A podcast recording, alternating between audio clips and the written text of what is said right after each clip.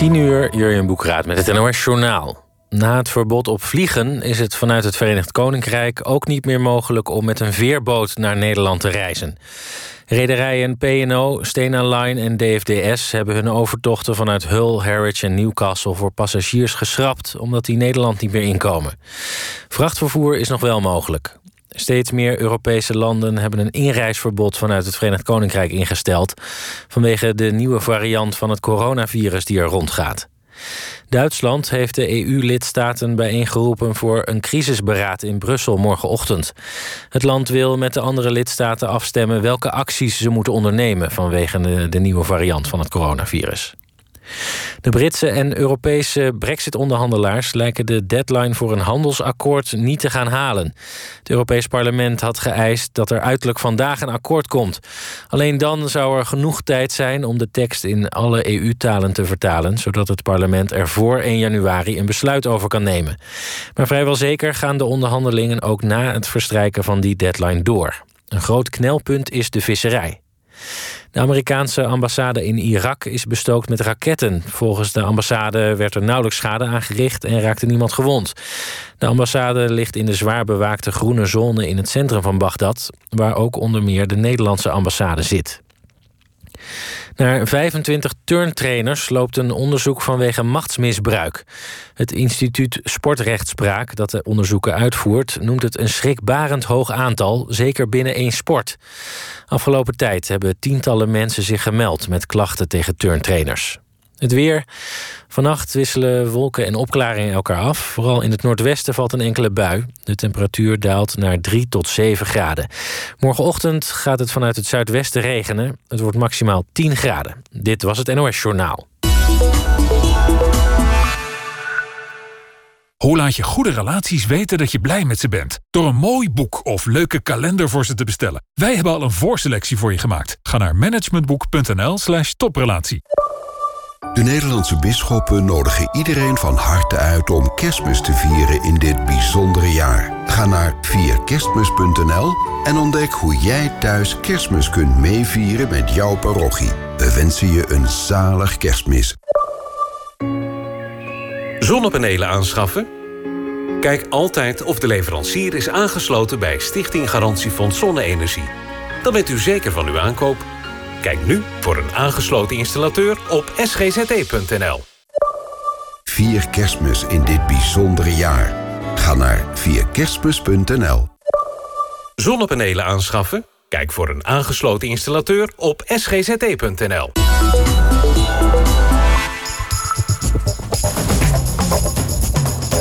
NOS, NOS, NOS Radio 1. Langs de lijn met Jeroen Stophorst. Goedenavond, het is het duel in het wielrennen op de weg en in de modder. Van der Poel versus Van Aert. Wat een schitterend titanenduel is dit om naar te kijken, zeg. We praten zo met de Belgische commentator Michel Buits... die in Namen was bij de wereldbekerwedstrijd. Het Nederlands kampioenschap tennis liep uit op een anticlimax. Bij zowel de mannen als de vrouwen moesten een finalist opgeven. Bij Richel Hogekamp schoot het in de hamstring. Kijk wel eens voetbal en als je dan uh, die voetballers altijd ziet... Één sprintje en een hamstring en het is gelijk wisselen... En het was echt een acuut moment. En dat is eigenlijk, ik heb dat nog nooit eerder gehad, dat ik echt zoiets erin voelde, voelde schieten. Um, dus ik hoop, ik hoop dat het meevalt. En zometeen uitgebreid aandacht voor de sportrechtbank ISR. Voor het eerst spreekt de leiding van het instituut over hoe het ISR eerder dit jaar werd overweldigd door onthullingen in het Nederlands turnschandaal. Alle alarmbellen gingen mij rinkelen. Ik denk, mijn god. Ook omdat het gelijk ging over mensen die nou niet bepaald onbekend waren in Nederland. Laat ik het dan maar even zo uitdrukken. Dus ik, ik, voelde het bij hangen. En dan hebben we het ook nog over de Nederlandse darters... die normaal gesproken tijdens het WK in Londen even terug gaan naar Nederland... om kerst te vieren als het toernooi stil ligt. Maar ja, hoe gaat dat nu? Nu de reizigers uit Groot-Brittannië worden geweerd. Darter Vincent van der Voort vertelt daar zo meteen meer over. Allemaal tot 11 uur in Langs de Lijn. Maar eerst dat, daar dat duel in de modder. Want de liefhebbers, de wielerliefhebbers keken er al naar uit. Een herhaling van het schitterende man tegen man gevecht van de Ronde van Vlaanderen. Alleen nu dus in het veld, in de modder. Mathieu van der Poel en Wout van Aert. Voor het eerst dit seizoen gingen ze allebei van start... in een wereldbekerwedstrijd in het Belgische Namen eerste keer in dit veldritseizoen krijgen we een duel tussen WVA en MVDP. Het ligt er loodzwaar bij. Mathieu van der Poel, de winnaar van de Ronde van Vlaanderen. Uh, maar ik heb uh, geen enkel moment in de wedstrijd het gevoel gehad dat ik overschot had. Wout van Aert, Milaan Sanremo, Strade Bianca. Twee toeretappes op zijn naam geschreven. Maar ze rijden niet op kop.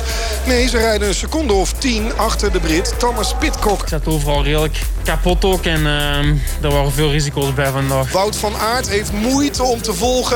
Rijdt 2, 3 seconden achter Van der Poel. Als ik dan zie hoe kort ik geblazen ben... had ik uh, op zijn minst Mathieu het gat moeten laten Pitcock. Ja, nu rijden ze het dicht. Wat een schitterend titanenduel is dit om naar te kijken, zeg. Ik breng eigenlijk Mathieu terug in koers en ik had beter moeten weten. Uit het zadel trekt hij zich nog weer een keer in gang... bij de laatste confrontatie van deze twee. Een millimeter sprint. Nu is het duidelijk. Mathieu van der Poel, armen wijd. Hij wint. Hij krijgt het schouderklopje van Wout van Aert. Dit was echt een van de mooiste veldritten van de afgelopen jaren.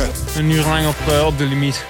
Ja, met dus dezelfde winnaar als in oktober, de Ronde van Vlaanderen. Mathieu van der Poel, wielercommentator Michel Wuits... was erbij daarin namen voor de Belgische televisie. Goedenavond, meneer Wuits. Goedenavond. Heeft u genoten vanmiddag? Uh, uitzonderlijk. Het verwachtingspatroon was bijzonder hoog. En al die verwachtingen zijn ingevuld. Ja. Top. Sebastian, die, die zei net, uh, het was de mooiste veldrit in jaren. Bent u daarmee eens? Uh, dat zou wel eens kunnen. Al was die editie van vorig jaar, toen was het een tweestrijd van der Poel en Toon Aert. Ook wel om uh, duimen en vingers van af te likken. Alloen, alleen was toen uh, um, het bescheid een beetje rampzalig, omdat Aert toen viel en daardoor Van der Poel kon winnen. Ja. Maar nu was het open gevecht. En wat vooral interessant is, er is sprake van een derde man, Thomas Pitcock. En die heeft het verdomd moeilijk gemaakt vandaag. Ja, dat maakt het misschien wel zo mooi, hè, deze cross? Dat maakt het heel bijzonder. Uh, het uh, mooie aan de cross op dit ogenblik is dat je twee tenoren hebt die ook tenoren zijn op de weg. Ik garandeer u dat uh, Pitcock ook van dat kaliber is. En top in de cross en straks ook top bij de profs in de weg. Ja, dat is goed voor de sport dat er ook, dat, er ook een Brit meedoet. Hij heeft geloof ik in, in acht jaar geen Brit op het podium gestaan met een wereldbekerwedstrijd. Als het niet langer is, dat weet u misschien wel veel beter.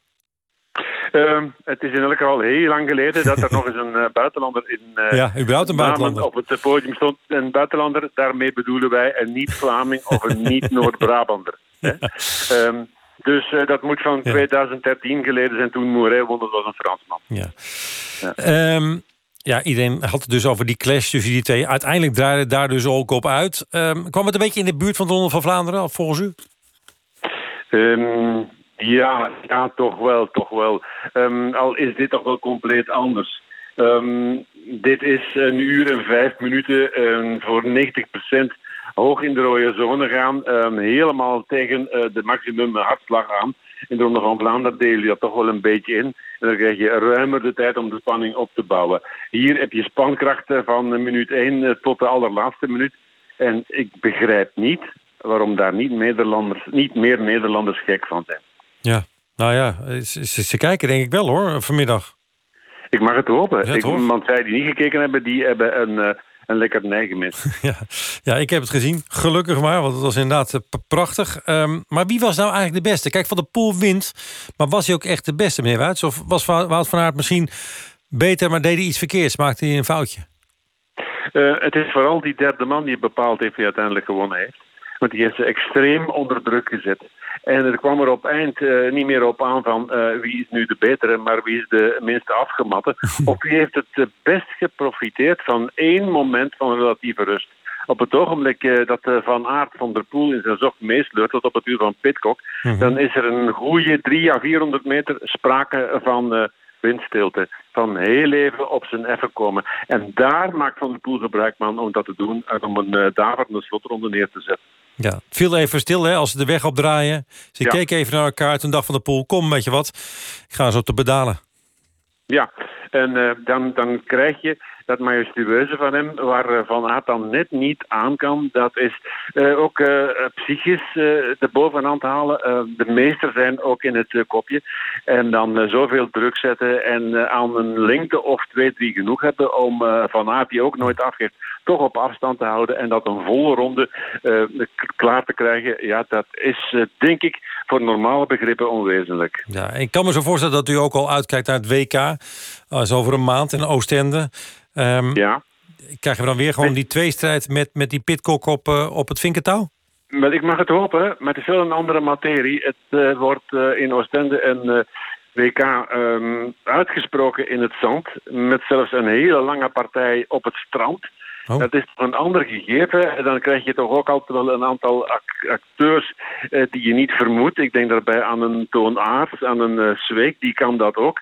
Maar in principe moet het daar tussen uh, Van der Poel en Van Aert gaan. Um, er toch rekening mee houden dat ik Van Aert net iets hoger inschat als topcrosser in het zand dan Van der Poel. het is een verschil van een procentje, niet veel meer dan dat. Maar ze moeten dan natuurlijk er wel eh, toe in staat zijn om in hun beste format, in hun beste gevoel daar aan de start te komen. Hè. En waar, waar zit hem dat in dan, meneer, meneer Wuits? Want waar, waarom is hij in het zand net iets beter? Want uh, ja, nu was modder en dat, ja, dat lag dus misschien uh, van de boel iets beter? Ik denk in hoofdzaak de plek waar je geboren bent. Van Aert is geboren in Lille. Dat is midden in het grootste zandgebied van de Kempen. En daar heeft hij zich voor verrot getraind in uh, zijn jeugd. En dat heeft hij behouden, dat zandgevoel. Dat is iets heel apart. Het is moeilijk te omschrijven. Het is een soort van balans vinden in uh, mulle ondergrond waar je altijd in wegzakt. Van der Poel kan dat natuurlijk ook. Maar Van Aert heeft dat net iets meegekregen van uh, nature uit. Van zijn eigen biotoop. We gaan het zien over een maand. Dikke maand in Oostend, het WK. Dat, uh, ik, ik, kijk er naar uit. Benieuwd wie er dan gaat winnen. Michel Wuits, hartelijk dank. Zonder dank. Precies een week geleden werd hij gearresteerd. Hij werd verdachte en werd ook weer vrijgelaten. De week eindigde vandaag met een invalbeurt tegen ADO Den Haag. De roerige week van Ajax Ziet en Oranje International Quincy Promes. Ajax-aanvaller Quincy Promes is vanochtend opgepakt... op verdenking van betrokkenheid bij een steekpartij. Dat melden het ANP en de Telegraaf.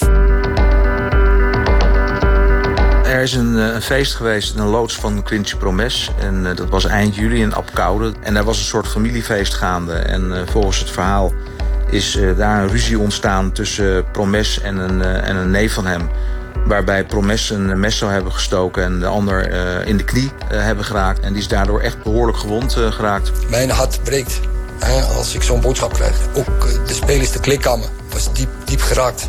Ik moet zeggen, kijk, iemand is in Nederland onschuldig zolang het tegendeel bewezen is. Het is natuurlijk wel een opvallend bericht. En je denkt, jeetje, wat is dit nou? Ik denk wel dat het in zijn hoofd heeft gespeeld. Dat, het, uh, dat, er, uh, dat er iets gaande was. Het eerste wat ik wel dacht is... als dit al een tijdje speelt in zijn hoofd... dan verklaart het voor mij echt wel dat hij de weg kwijt is op het veld. Dat hij in de gevangenis zit, is een feit. Uh, maar goed, het moet altijd nog maar worden bewezen. Ajax-speler Quincy Promes is vrijgelaten. Volgens het Openbaar Ministerie zijn er geen gronden meer... om hem langer vast te houden. Wel blijft hij verdachte. Er gebeurde van alles bij Ajax deze week. En dat was ook de rentree in de selectie van Quincy Promes... na twee dagen hechtenis door de politie. Hier aan het begin van de tweede helft staat Quincy Promes... de meest besproken voetballer van Ajax deze week. Komt dus aan het spelen toe. Ik vind het al heel wat, Quincy, dat je hier staat. Vind je? Vertel eens wat je allemaal is overkomen deze week. Ik, uh, ik wilde dat stukje gewoon uh, privé houden. Um, iedereen heeft het een en ander kunnen lezen. Niet alles uh, wat geschreven is, is waar. Het was een hectische week, maar uh, ik denk dat hij nu toch positief is afgesloten. Die jongens die steunen hem ook door dik en dun. En natuurlijk zijn ze ook geschrokken, iedereen. Maar daarna is het ook klaar. En ze zijn blij dat ik terug ben en dat ik ze kan helpen om te winnen. Quincy Promes. Woensdag sluit hij met Ajax het jaar af, jaar 2020. Met een uitwedstrijd tegen Willem II.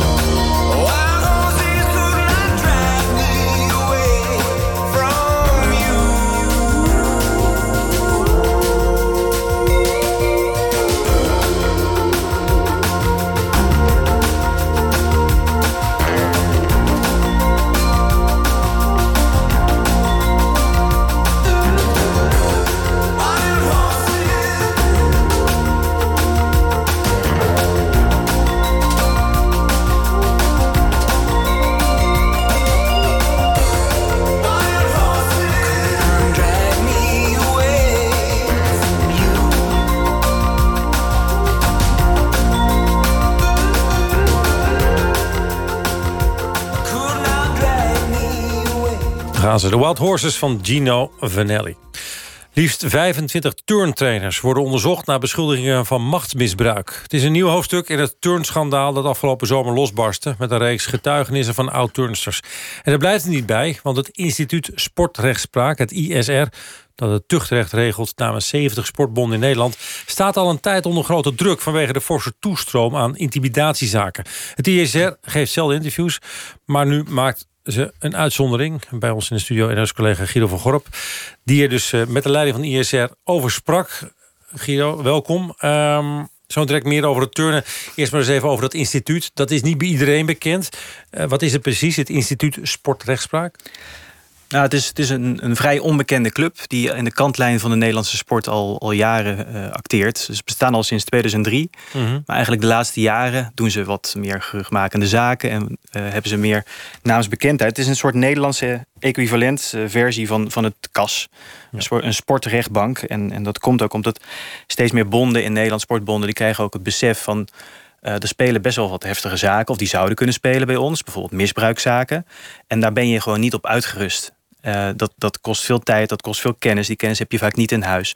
En dan heb je een, een onafhankelijk instituut nodig die dat voor je regelt. En dat is het ISR. Maar goed, dan gaat het dus ook niet altijd helemaal goed. Eh, het kraakt en het piept zelfs. Eh, lees ik ook in jullie verhaal op nos.nl. Waar kraakt het het hardst?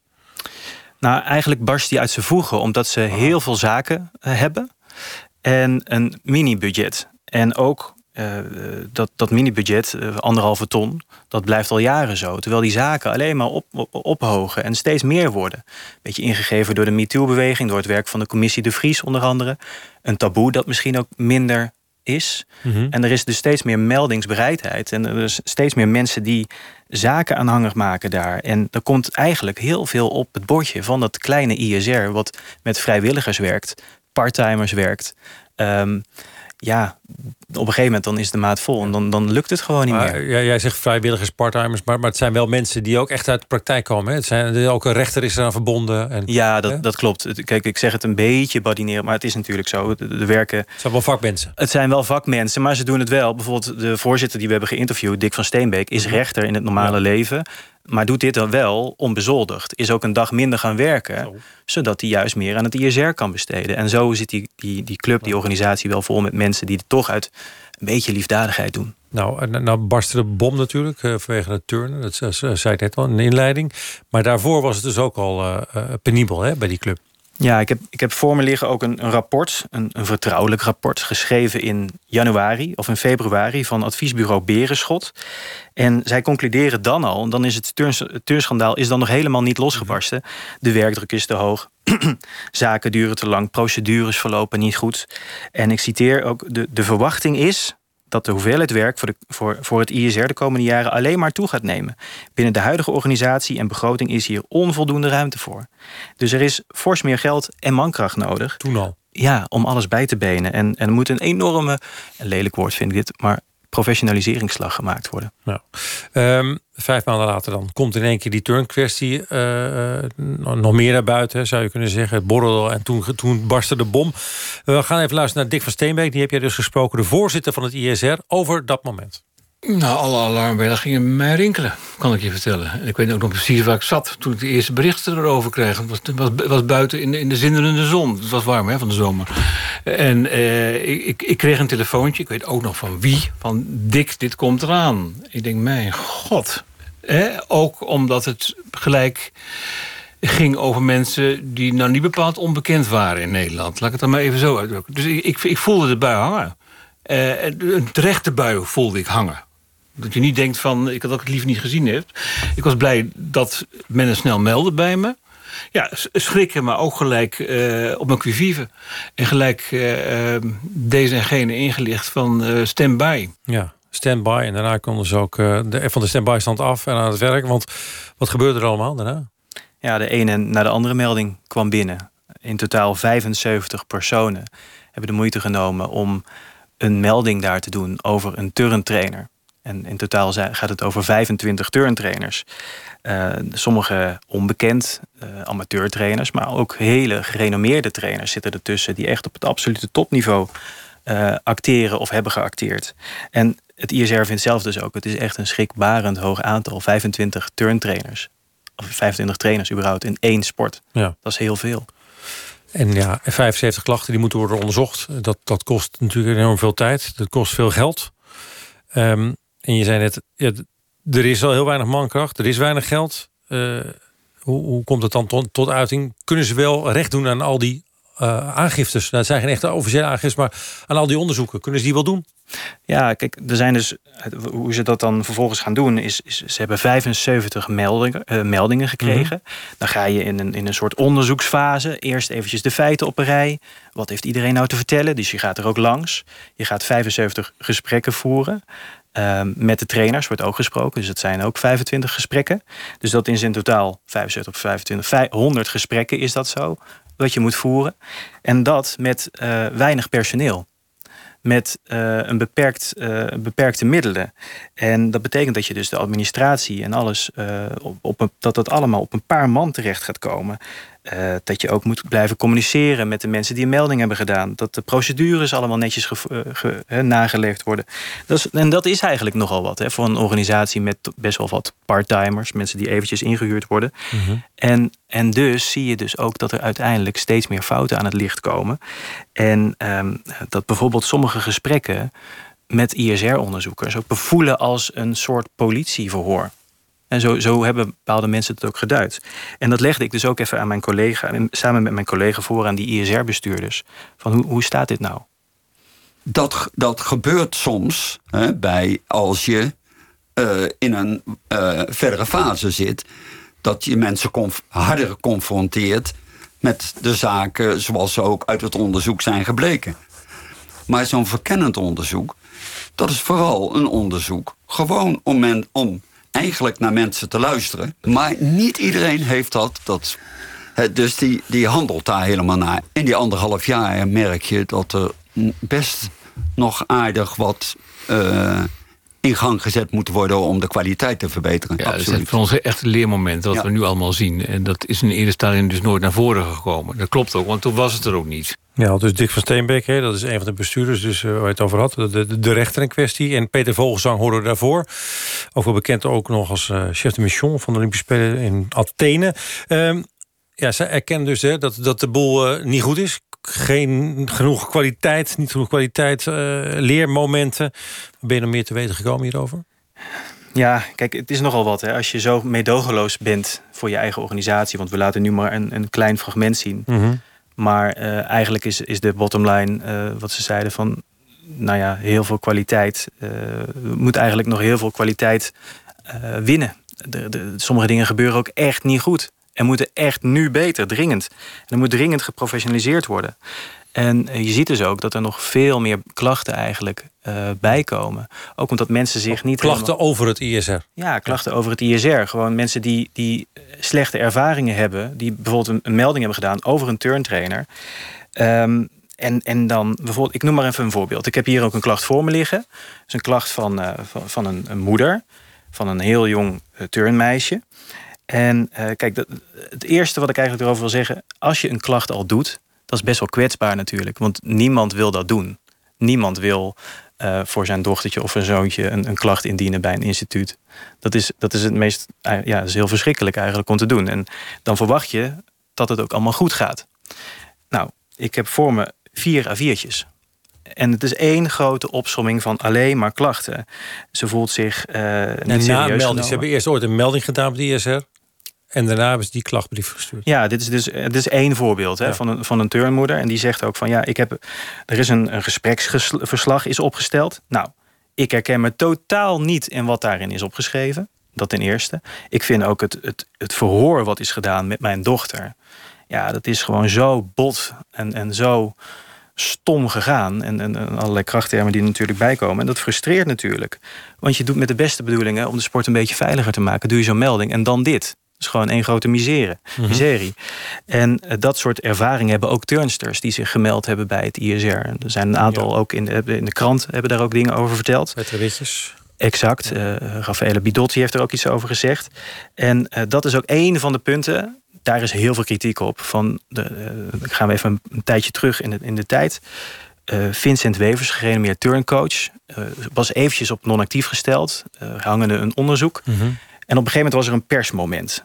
En tijdens dat persmoment zat de KNGU naast het ISR. En daar werd aangekondigd dat de maatregelen tegen Vincent Wevers versoepeld zouden worden.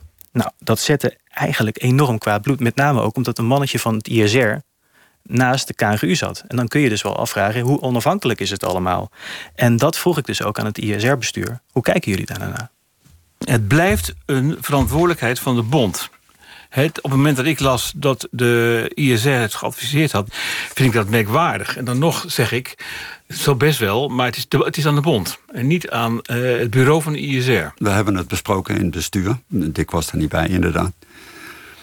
En ja, het was ook eigenlijk direct een reactie. Toen, ik, ik wist het niet van tevoren, moet ik het zeggen. Niemand in het bestuur. En ehm, mijn reactie was in ieder geval van... eh, dit is het ongeveer... nou, dit is in ieder geval niet handig, laat ik het maar netjes zeggen. Wij horen daar niet te gaan zitten samen met de bond. Want wij willen een onafhankelijk orgaan zijn. Ja. En dan moeten er wel excuses komen, denk ik, minimaal toch? Ja, het boetekleed. Ja. En dat trekken ze ook aan.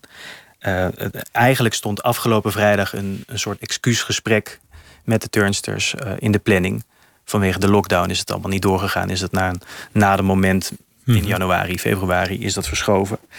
Ehm, ja, dat, ja, inderdaad. Excuses, dat is het enige wat je rest. En Een even door het stof gaan. Een boel mis. Ehm, eh, ze willen beterschap natuurlijk, maar kunnen ze dat ook? Kunnen ze dat gaan, gaan, gaan, gaan doen? Kunnen ze de boel verbeteren? Want als je een budget hebt van maar anderhalve ton, dan zie je het niet op natuurlijk als er zoveel zaken op je afkomen. Nee, er is er, één, één ding was, is wel heel erg duidelijk geworden in het gesprek. Er is veel en veel meer geld nodig. Er is meer mankracht nodig. En het goede nieuws is, want er zit ook een klein beetje goed nieuws in dit verhaal. Ehm, de overheid die ziet ook, dit is een onhoudbare situatie. Er komen steeds meer zaken. Het budget is gewoon te klein. Dus heeft het ministerie, dat hebben ze ook aan ons bevestigd dit weekend, een behoorlijke pot met geld beschikbaar gesteld. Vanaf 2021 een half miljoen voor het ISR. Eh, als de zaken ook blijven stijgen, gaan ze in 2022 naar een miljoen ongeveer. Eh, dus dat is wel een, flink, een flinke eh, begroting wat je dan hebt. En op het wensenlijstje staat ook behoorlijk veel. Een, een nieuwe communicatieafdeling, een nieuwe de- directeur, trainingen. Een uitbreiding van 2,5 naar een 9,5 FTE. nieuwe software voor case management, want dat gebeurt op dit moment allemaal handmatig. Nou, dat soort dingen. Nieuw pand komt er ook nog bij.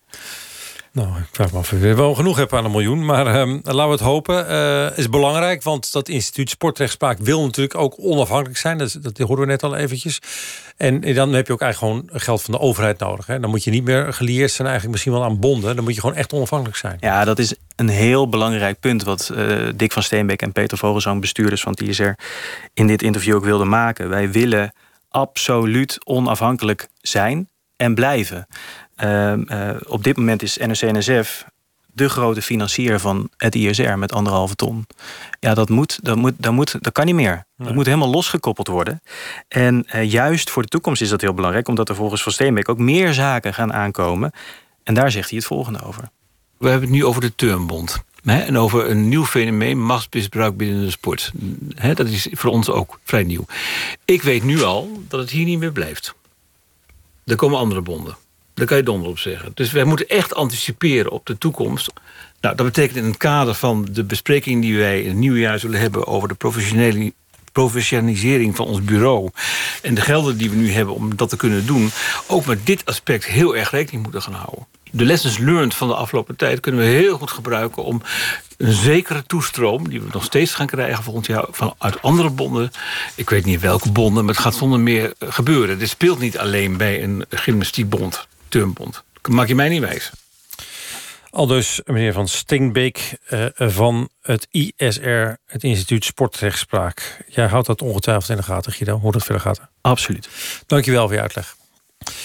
Twee weken geleden schreef alpineskier Maarten Meiners geschiedenis. Hij werd de eerste Nederlander ooit die punten pakte in het wereldbekerklassement. Meiners is bezig aan zijn eh, beste jaar en kwam ook vandaag in actie in de sneeuw. Op de piste van Alta Badia deed Meiners mee aan de reuzenslalom... maar vandaag lukte het nou net niet om in de punten te skiën. Maarten, goedenavond. Ja, goedenavond. Ja, het lukte net niet. Hebben we dan een super teleurgestelde Maarten aan de telefoon?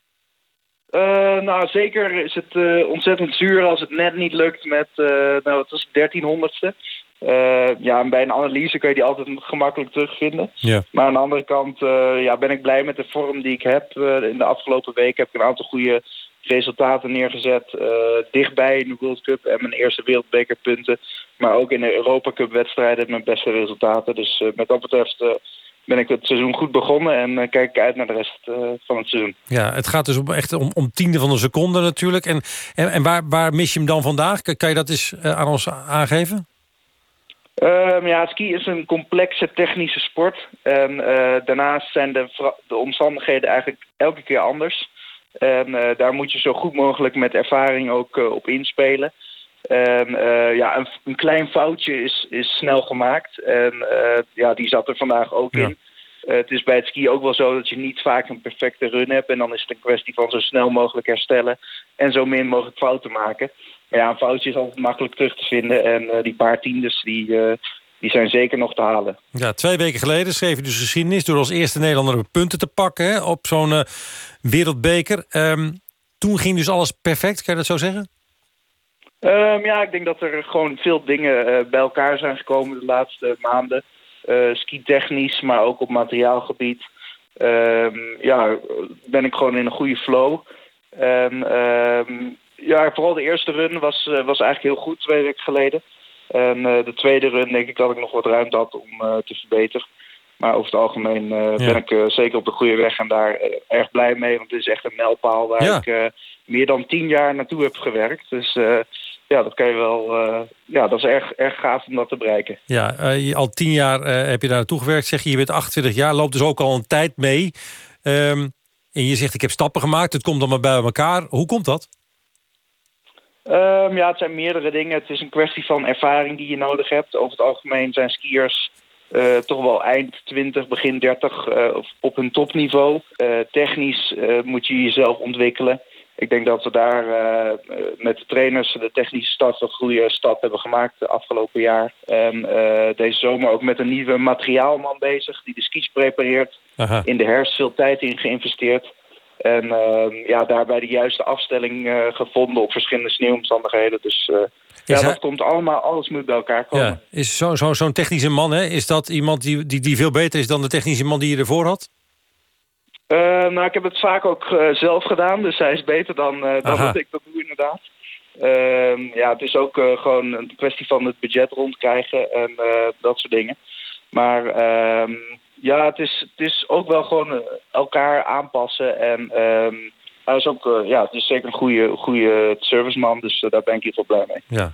Ehm, ja, Nederland is geen topland natuurlijk in skiën. Je had het al over het budget net eventjes. Ehm, hoe, hoe krijg je dat budget rond? Want eh, krijg je steun van NRC-NSF? heb je sponsors? Hoe werkt zoiets? Eh, nou, op dit moment krijg ik geen steun van het NOC-NSF. En dat heeft eigenlijk met hun eh, medaillebeleid te maken. Eh, in het verleden heb ik dat wel eh, overigens gehad. En dat heeft ook zeker geholpen om eh, de weg af te gaan, zeg maar. Eh, ik krijg een klein beetje financiële ondersteuning van de Nederlandse skivereniging. Maar eigenlijk zijn het voornamelijk eh, persoonlijke sponsors. Eh, mijn hoofdsponsor, ik heb een eh, kaashelm op, dus dat is wel duidelijk als Nederlander. Eh, die zijn eigenlijk al tien jaar aan mij verbonden. Dus zonder dat soort partners eh, ja, zou het zeker niet mogelijk zijn. En ik ben blij dat ik dit eh, daardoor fulltime kan doen. Ja, een kaashelm, hoe ziet dat eruit? Heb je gaten erin? Of? Ja, zeker. Een gele helm en, en kaasgaten, zeg maar. Dus dat is wel opvallend als een Nederlandse kaaskop. Ja, ja. goed. In zo'n team, hè, want je zit in een soort van commercieel team met, met, met, met andere Europeanen? Ja, dat klopt. We zijn met acht skiers uit verschillende landen. Eh, waaronder ook eh, twee Belgen, eh, ik als Nederlander, een Australiër. iemand uit Liechtenstein. dus bijvoorbeeld, dat zijn eigenlijk allemaal kleine skilanden. Maar Ja. ook een Italiaan en een Oostenrijker die net niet in een eigen nationale team zitten, maar proberen terug te knokken. En zo zijn we eigenlijk acht, acht man met drie trainers en de, en de serviceman en de fysio. Ja, kunnen we dat eigenlijk delen, kunnen we elkaar pushen tijdens trainingen. En ja, dat is toch een stuk beter dan helemaal in je eentje op mijn weg te zijn. Ma- Maarten, wa- wat ik nou benieuwd naar ben, hè, is, is waar haal je die motivatie vandaan? Je bent een Nederlander, eh, geboren in Amersfoort. Eh, Je woont in het midden van het land. Je, je, je, je- doet dit al tien jaar. Het is, het is eh, opboksen tegen die echte skilanden. Die natuurlijk, die kinderen die worden ongeveer geboren op skis. Dat kan je bijna nooit meer inhalen. Waar, waar, waar, waar haal je die motivatie vandaan? Ja, het is zeker een, een ander verhaal. En eh, ik ben gewoon met mijn ouders op wintersportvakantie gegaan en vond dat ontzettend leuk. Ik eh, vind in de bergen zijn heel erg gaaf. Maar vooral gewoon de sport zelf eh, vind ik heel erg gaaf om te doen. En eh, naast dat ik het heel leuk vind, horen daar natuurlijk de resultaten bij. En gedurende die tien jaar zijn er op ja, verschillende niveaus elke keer een stapje geweest. Wat natuurlijk nooit een exacte stijgende lijn is. Dat gaat altijd met ups en downs. Maar ehm, ja, de mijlpaal, eh, de top 30 in de wereldbeker twee weken geleden, dat was wel echt Ja. eh, heel erg gaaf. En ehm, zo hoop ik daar in de komende wedstrijden dit seizoen eh, natuurlijk verder in te werken. En heb je nog een ultiem doel. Ja, een wereldbekerwedstrijd winnen natuurlijk zal heel erg lastig worden. Maar is er een ander doel waar je, wat, wat, binnen jouw mogelijkheden ligt uiteindelijk? Ja, over anderhalf jaar zijn natuurlijk de volgende winterspelen. Peking. En ehm, de exacte eisen zijn nog niet vastgesteld vanuit het NOC-NSF. Eh, maar als ik ervan uitga dat dat eh, ongeveer hetzelfde is als eh, voorgaande spelen, dan kom ik daar steeds dichter bij in de buurt. En ehm, ja, als ik dit nog door kan trekken in die World Cup en een paar goede resultaten kan neerzetten, dan ligt dat binnen handbereik. Dus dat is een groot doel. Daar, eh, daar ga ik voor. Mooi. Eh, nou ja, het zou mooi zijn als we je van de piste zien komen in China tijdens de winterspelen 2022. Is al over 14 maanden, joh. Dus ik zou zeggen knallen. En eh, morgen Ja. mag je alweer de piste op, heb ik begrepen. Dus heel veel succes. Zeker. Maar- Hartstikke mooi, bedankt.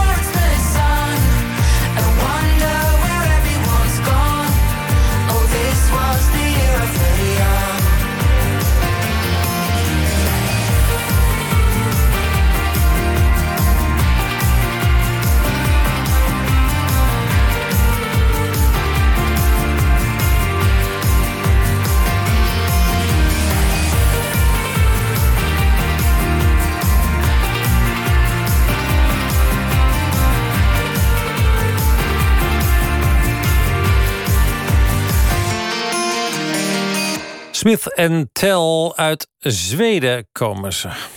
En The Year of the Young. Zo heette de plaat. Het was een teleurstellende finale dag uh, op het NK Tennis in Amstelveen vandaag. Jelle Sels en Leslie Patinama Kerkhoven pakten de nationale titels. Dat was hartstikke mooi. Maar beide deden dat omdat de tegenstanders moesten opgeven in die finale. Bij de mannen staakte Botik van de Zandschulp. In 2016 nog Nederlands kampioen in de derde set de strijd met een knieblessure. Bij de vrouwen kon Richelle Hoogkamp niet verder. Omdat ze in de tiebreak van de eerste set te veel last kreeg van de hamstring. En nu de internationale tour weer op het punt van beginnen staat, ja, dan maakt ze zich best wel zorgen. Uh, een beetje wel, want het is natuurlijk best kort op, uh, op de kwalificaties voor de Australian Open. En ja, als ik, ik kijk wel eens voetbal en als je dan die voetballers altijd ziet, één sprintje en een hamstring en het is gelijk wisselen. En het was echt een acuut moment. En dat is eigenlijk, ik heb dat nog nooit eerder gehad, dat ik echt zoiets erin voelde, voelde schieten. Um, dus ik hoop, ik hoop dat het meevalt en uh, ja, dat ik gewoon uh, op tijd uh, helemaal klaar ben weer. Ja, want je hebt echt heel veel zin om dat, ja, de, de, beperkte kalender in te gaan als het ware. Ja, ik, ik heb nu de beperkte kalenders net uitgekomen. En als je ziet ja, wat, wat een mooie opties er eigenlijk zijn om het jaar mee te starten... Ehm, dan heb ik daar heel veel zin in, ja. En dan zo afsluiten? Zit je niet op te wachten? Nee, zit je zeker niet op te wachten. Je bent sinds een aantal weken volle voorbereiding op het nieuwe seizoen. En uh, ja, die lijn wil je graag, uh, graag doortrekken om, uh, om zo goed en zo fit mogelijk aan de start te verschijnen. En ja, dat, dan word je nu wel even teruggeworpen in die, in die voorbereiding. Ja, zei Richel Hoogklamp tegen verslaggever Vlada Veljanoski. Die sprak later ook met Robin Haas. Hè. Wel aanwezig in Amstelveen, maar hij deed niet mee aan het NK. Waarom eigenlijk niet? Uh, nou, omdat ik afgelopen, uh, ja, nu al maanden, het was eerst weken, maar nu al maanden uh, bezig ben met de opbouw voor het, voor het volgende seizoen van 2021. En, en daar was dan de nationale kwam daar eigenlijk net te vroeg voor. Zeker omdat het zo kort dag was geregeld, wat fantastisch was. En, wat en onvoorspelbaar. En onvoorspelbaar, ja. Maar uh, ja, dat was superleuk. Alleen ja, het was voor mij net even te vroeg. Omdat ik eigenlijk deze week pas tijdens de nationale pas voor het eerst vier dagen achter elkaar ging tennissen. Ik heb mijn seizoen uh, vroegtijdig beëindigd uh, na Roland Garros. Dat was natuurlijk uh, wat later in het seizoen dan normaal. maar ik had toen problemen, zowel met mijn knie als met mijn hand. En heb toen gezegd van ja, het is allemaal zo onzeker. En ik heb eigenlijk zoveel pijn nu, dat heeft even geen zin. Dan kan ik beter het seizoen eens een keer echt stoppen. En dan de, de echte tijd nemen om, uh, om weer fitter te worden. Uh, en dat was een goede keus. Want uh, nou, vandaag nog dat mijn trainer zei... Ik, ik denk dat ik je eigenlijk in die de tijd dat wij met elkaar werken... nou, dat is nu ook al richting de vier, vijf jaar... ben ik nog nooit, zo, heb, of heb ik nog nooit zo goed bewogen. Raar seizoen, hè? Dat zijn van die termen. Maf, gek, bizar. Hoe omschrijf jij het? Ja, nou ja, uh, kijk, uh, ja, al die termen. Het, is, het is inderdaad een hele aparte tijd. met heel veel vraagtekens voor iedereen. en, en, en, en het is gewoon een moeilijke tijd. je, je zit met zoveel regels in verschillende landen. En tennis is nou eenmaal een internationale sport. Hè. Het is niet zoals dat de voetballers nu door kunnen gaan... omdat ze ja, Ajax tegen Feyenoord, Feyenoord tegen Vitesse. Uh, en noem allemaal de clubs op. Uh, ja, dat kunnen wij gewoon niet doen, want wij moeten gewoon internationaal gaan reizen. Wij hebben nog het geluk dat heel veel kan. Er zijn ja, zoveel sporten waar het niet mogelijk is. En dat is, dat is heel jammer. Ehm, maar ja, het is, het is zoals het is. Nu vlieg je al een groot deel van je leven de hele wereld over. Voor al die toernooien. En deze situatie, heb je die wel eens meegemaakt? Dat je nu een kwalificatietoernooi voor de Australian Open gaat spelen in Doha? Nee, ik denk dat dat nog nooit eerder is voorgekomen. En uh, ook dat is apart. Maar ja, uh, het was of dat of geen kwalificatie. Ja, dan denk ik dat dit een betere oplossing is uh, voor heel veel jongens.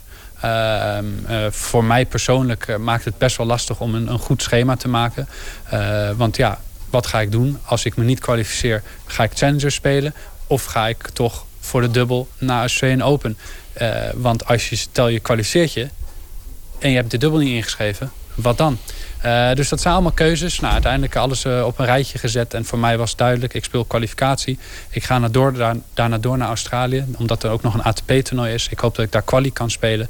Zo, in de single, dubbel gewoon hoofdtoernooi. En dan de Australian Open sowieso dubbelen.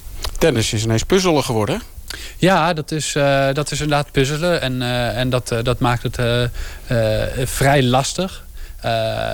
zeker omdat je, ja, je bent gewoon gewend natuurlijk dat, het, dat, je, ja, dat je je plan drie, vier, vijf, zes maanden vooruit plant. Ja, en nu moet je het gewoon, nou ja, niet per dag, maar wel per week bijna gaan bekijken.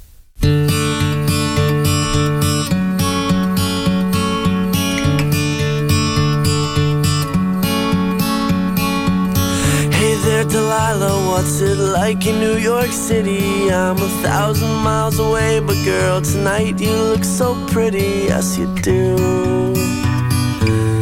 Times Square can shine as bright as you. I swear it's true. Hey there, Delilah, don't you worry about the distance. I'm right there. If you get lonely, give this song another listen. Close your eyes. Listen to my voice, it's my disguise. I'm by your side. Oh, it's what you do to me. Oh, it's what you do to me. Oh, it's what you do to me. Oh, it's what you do to me.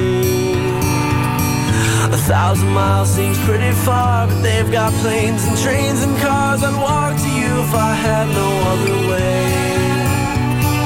Our friends would all make fun of us, and we'll just laugh along because we know that none of them have felt this way. Delilah, I can promise you that by the time we get through, the world will never ever be the same,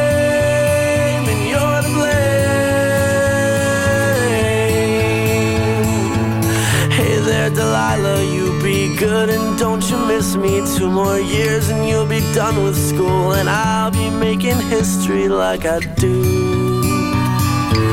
You'll know it's all because of you. We can do whatever we want to. Hey there, Delilah, here's to you. This one's for you.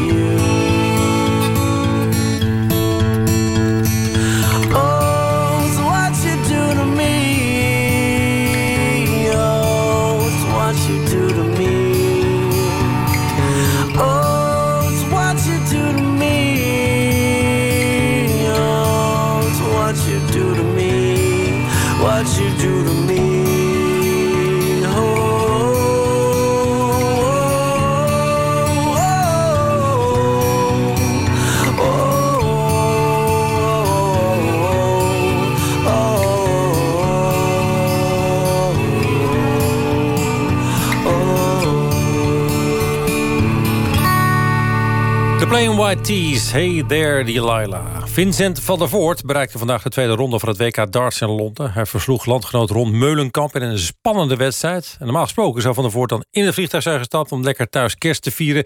Maar met een reisverbod, u hoorde het in het journaal vandaag al... tussen Nederland en het Verenigd Koninkrijk, gaat dat niet. Londen wordt geteisterd door een mutatie van het coronavirus... en daarom is reizen bijna onmogelijk. Althans, tussen Londen en Nederland. En tussen Londen en België en steeds meer landen eh, gaan eh, de grenzen sluiten. Vincent, goedenavond. Goedenavond. Eh, ja, wanneer kreeg jij te horen dat je niet eh, meer naar huis kon?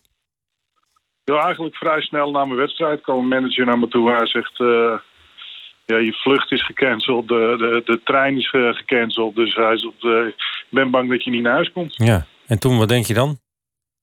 Ja, dat is natuurlijk wel balen. Ik, ik weet dus wel, kijk, het is het WK en er zijn belangrijkere dingen allemaal. Maar ja, om hier acht dagen te moeten blijven is wel lang. ja. ja, want er wordt dan niet meer gedart natuurlijk.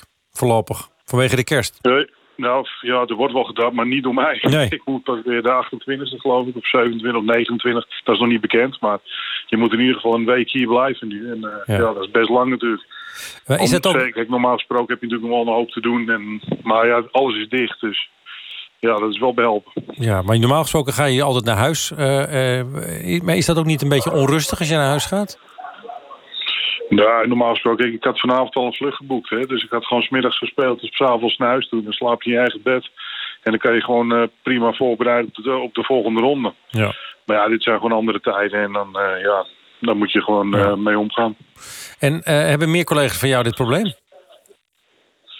Nou ja, al die alle Engelsen kunnen natuurlijk gewoon naar huis rijden. En mensen die in Schotland, Wales zitten, die kunnen ook allemaal nog wel gewoon thuiskomen. Maar eh, ja, iedereen die verder moet. eh, zoals Michael, die heeft gisteren gespeeld, die was naar huis gegaan. Maar die is vanmiddag weer omgedraaid. En eh, Michael van Gerwen. die komt net aan in het hotel hier. Dus die, ja, die is hier ook alweer. Oké, die kon dus mooi terugkomen in ieder geval. Dus we weten zeker dat hij weer aan de bak kan. Ja, precies. Die is net op tijd, denk ik, voordat alles dicht gaat. Ja. Ik hoorde dat vanavond om 12 uur de trein eh, niet meer gaan. Van, eh, de eh, wat is het, Calais naar Dover. Ja. Dus Ik denk dat hij net op tijd is. Ehm, ja, en dan zit u daar met z'n allen in het hotel. Heb je een dartbord bij je of zo? Hoe doe je dat? Ga je, hoe train je?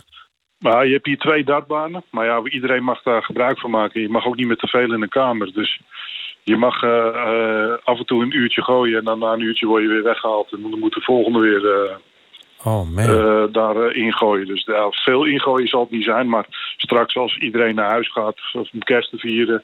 dan zal het hier wel redelijk rustig zijn. Dus dan heb je meer de tijd. Ja, en ja, dan, dan wordt jouw kerst dus eh, op, op die, die gebruikelijke afstand van dat bord.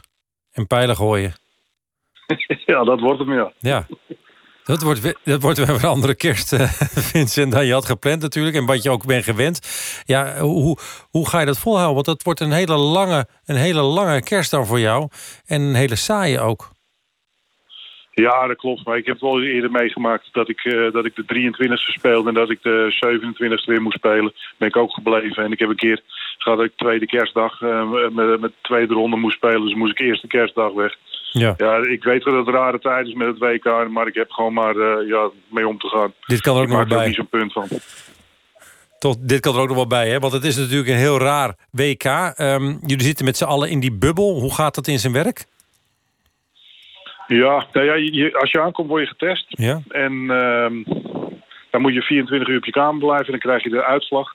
Maar ja, daarna mag je eigenlijk overal weer gaan en staan wat je wil. Dus het is niet een volledige bubbel. Alleen, ja, alle restaurants, alles is dicht. Dus je, je moet op je kamer eh, eten. En, en ja, dat, eh, het, is, het is een beetje behelpen. Maar het is niet zo dat je helemaal nergens heen kan. Nee, dat scheelt. En eh, hoe is het daar om te gooien? Want, nou ja, goed, ik zit te kijken, ik hoor het geluid.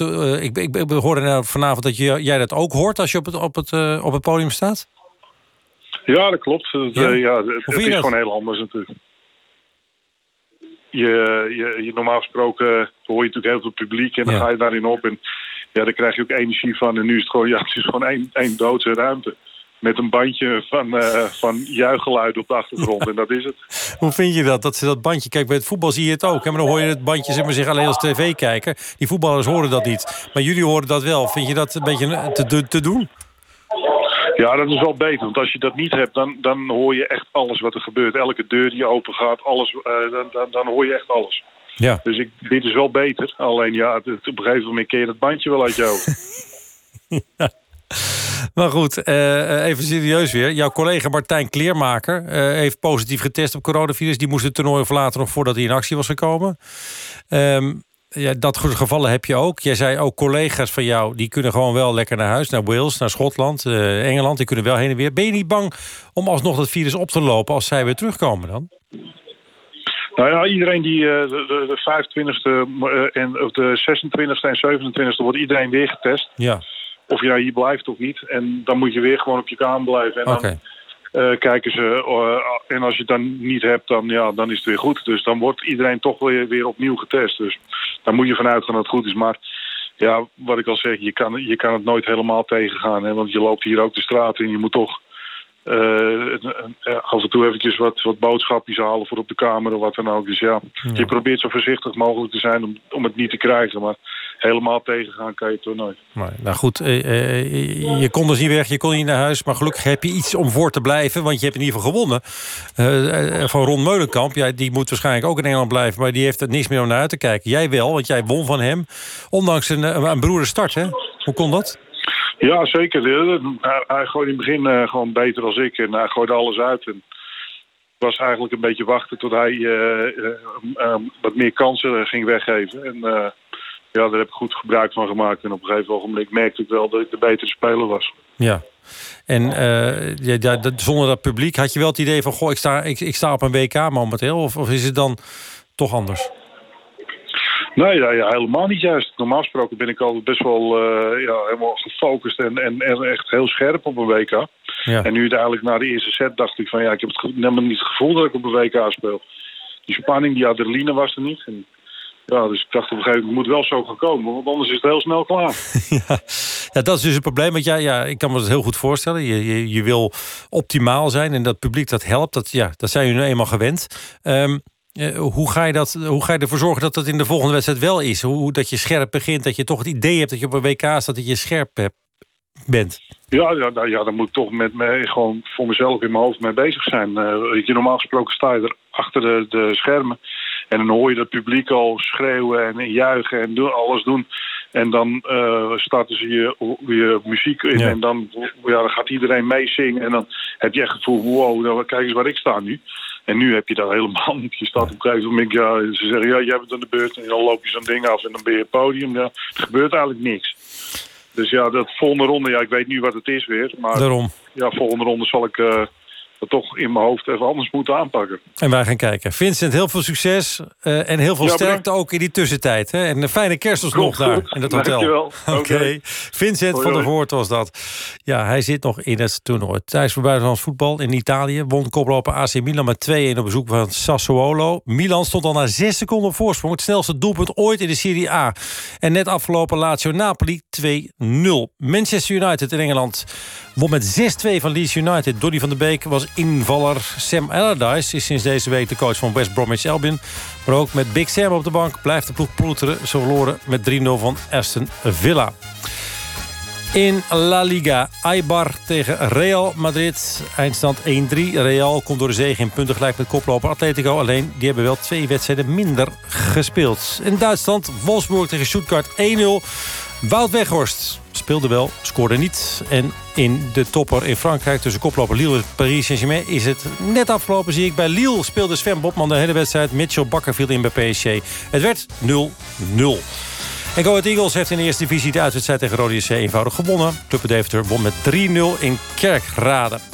Zo direct het morgen. Vanavond gepresenteerd door Mieke van der Wij. Nog een fijne avond. En tot morgen langs de lijn omstreek half tien. Bye.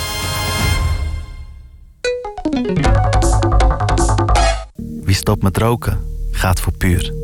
Puur is een nieuw begin. Een frisse start. Ga ervoor. Met hulp of op eigen kracht. Je kan het. Laat 2020 achter je en begin het jaar vol goede moed. Nee, niks moet. Maar probeer. Je eerste stopdagen, weken of meer. En dan straks rookvrij voor altijd. Begin het nieuwe jaar puur.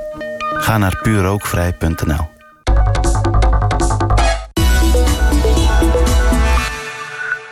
Bij Energiedirect.nl hebben we nu een catchy jingle... zodat iedereen ons beter onthoudt. Groene stroom en gas, zonder poespas. Energiedirect.nl. Slim bezig. Flexibel rijden in een nieuwe Toyota? Met Toyota Private Flex Lease kan je al na één jaar gratis opzeggen. Zo rij je nu tijdelijk, gebaseerd op 48 maanden en 10.000 kilometer per jaar... in een gloednieuwe Toyota Ico. Vanaf 209 euro per maand. Kijk op toyota.nl. Groene stroom en gas, zonder poespas. Energiedirect.nl houdt groene energie lekker simpel. Dan blijft voor jou de prijs lekker laag. Weet je hoe makkelijk het is om te besparen op je autoverzekering? Ongeveer zo makkelijk als een cursus koken met kant-en-klaar maaltijden. Zo, dat viel mee zeg. Besparen op je autoverzekering is zo makkelijk. Stap over naar Allianz Direct. Zelf nieuwe kozijnen bestellen? Creon staat voor je klaar. Met de scherpste prijs en levering aan huis. Creon met een C. Creon Kozijnen. NPO Radio 1.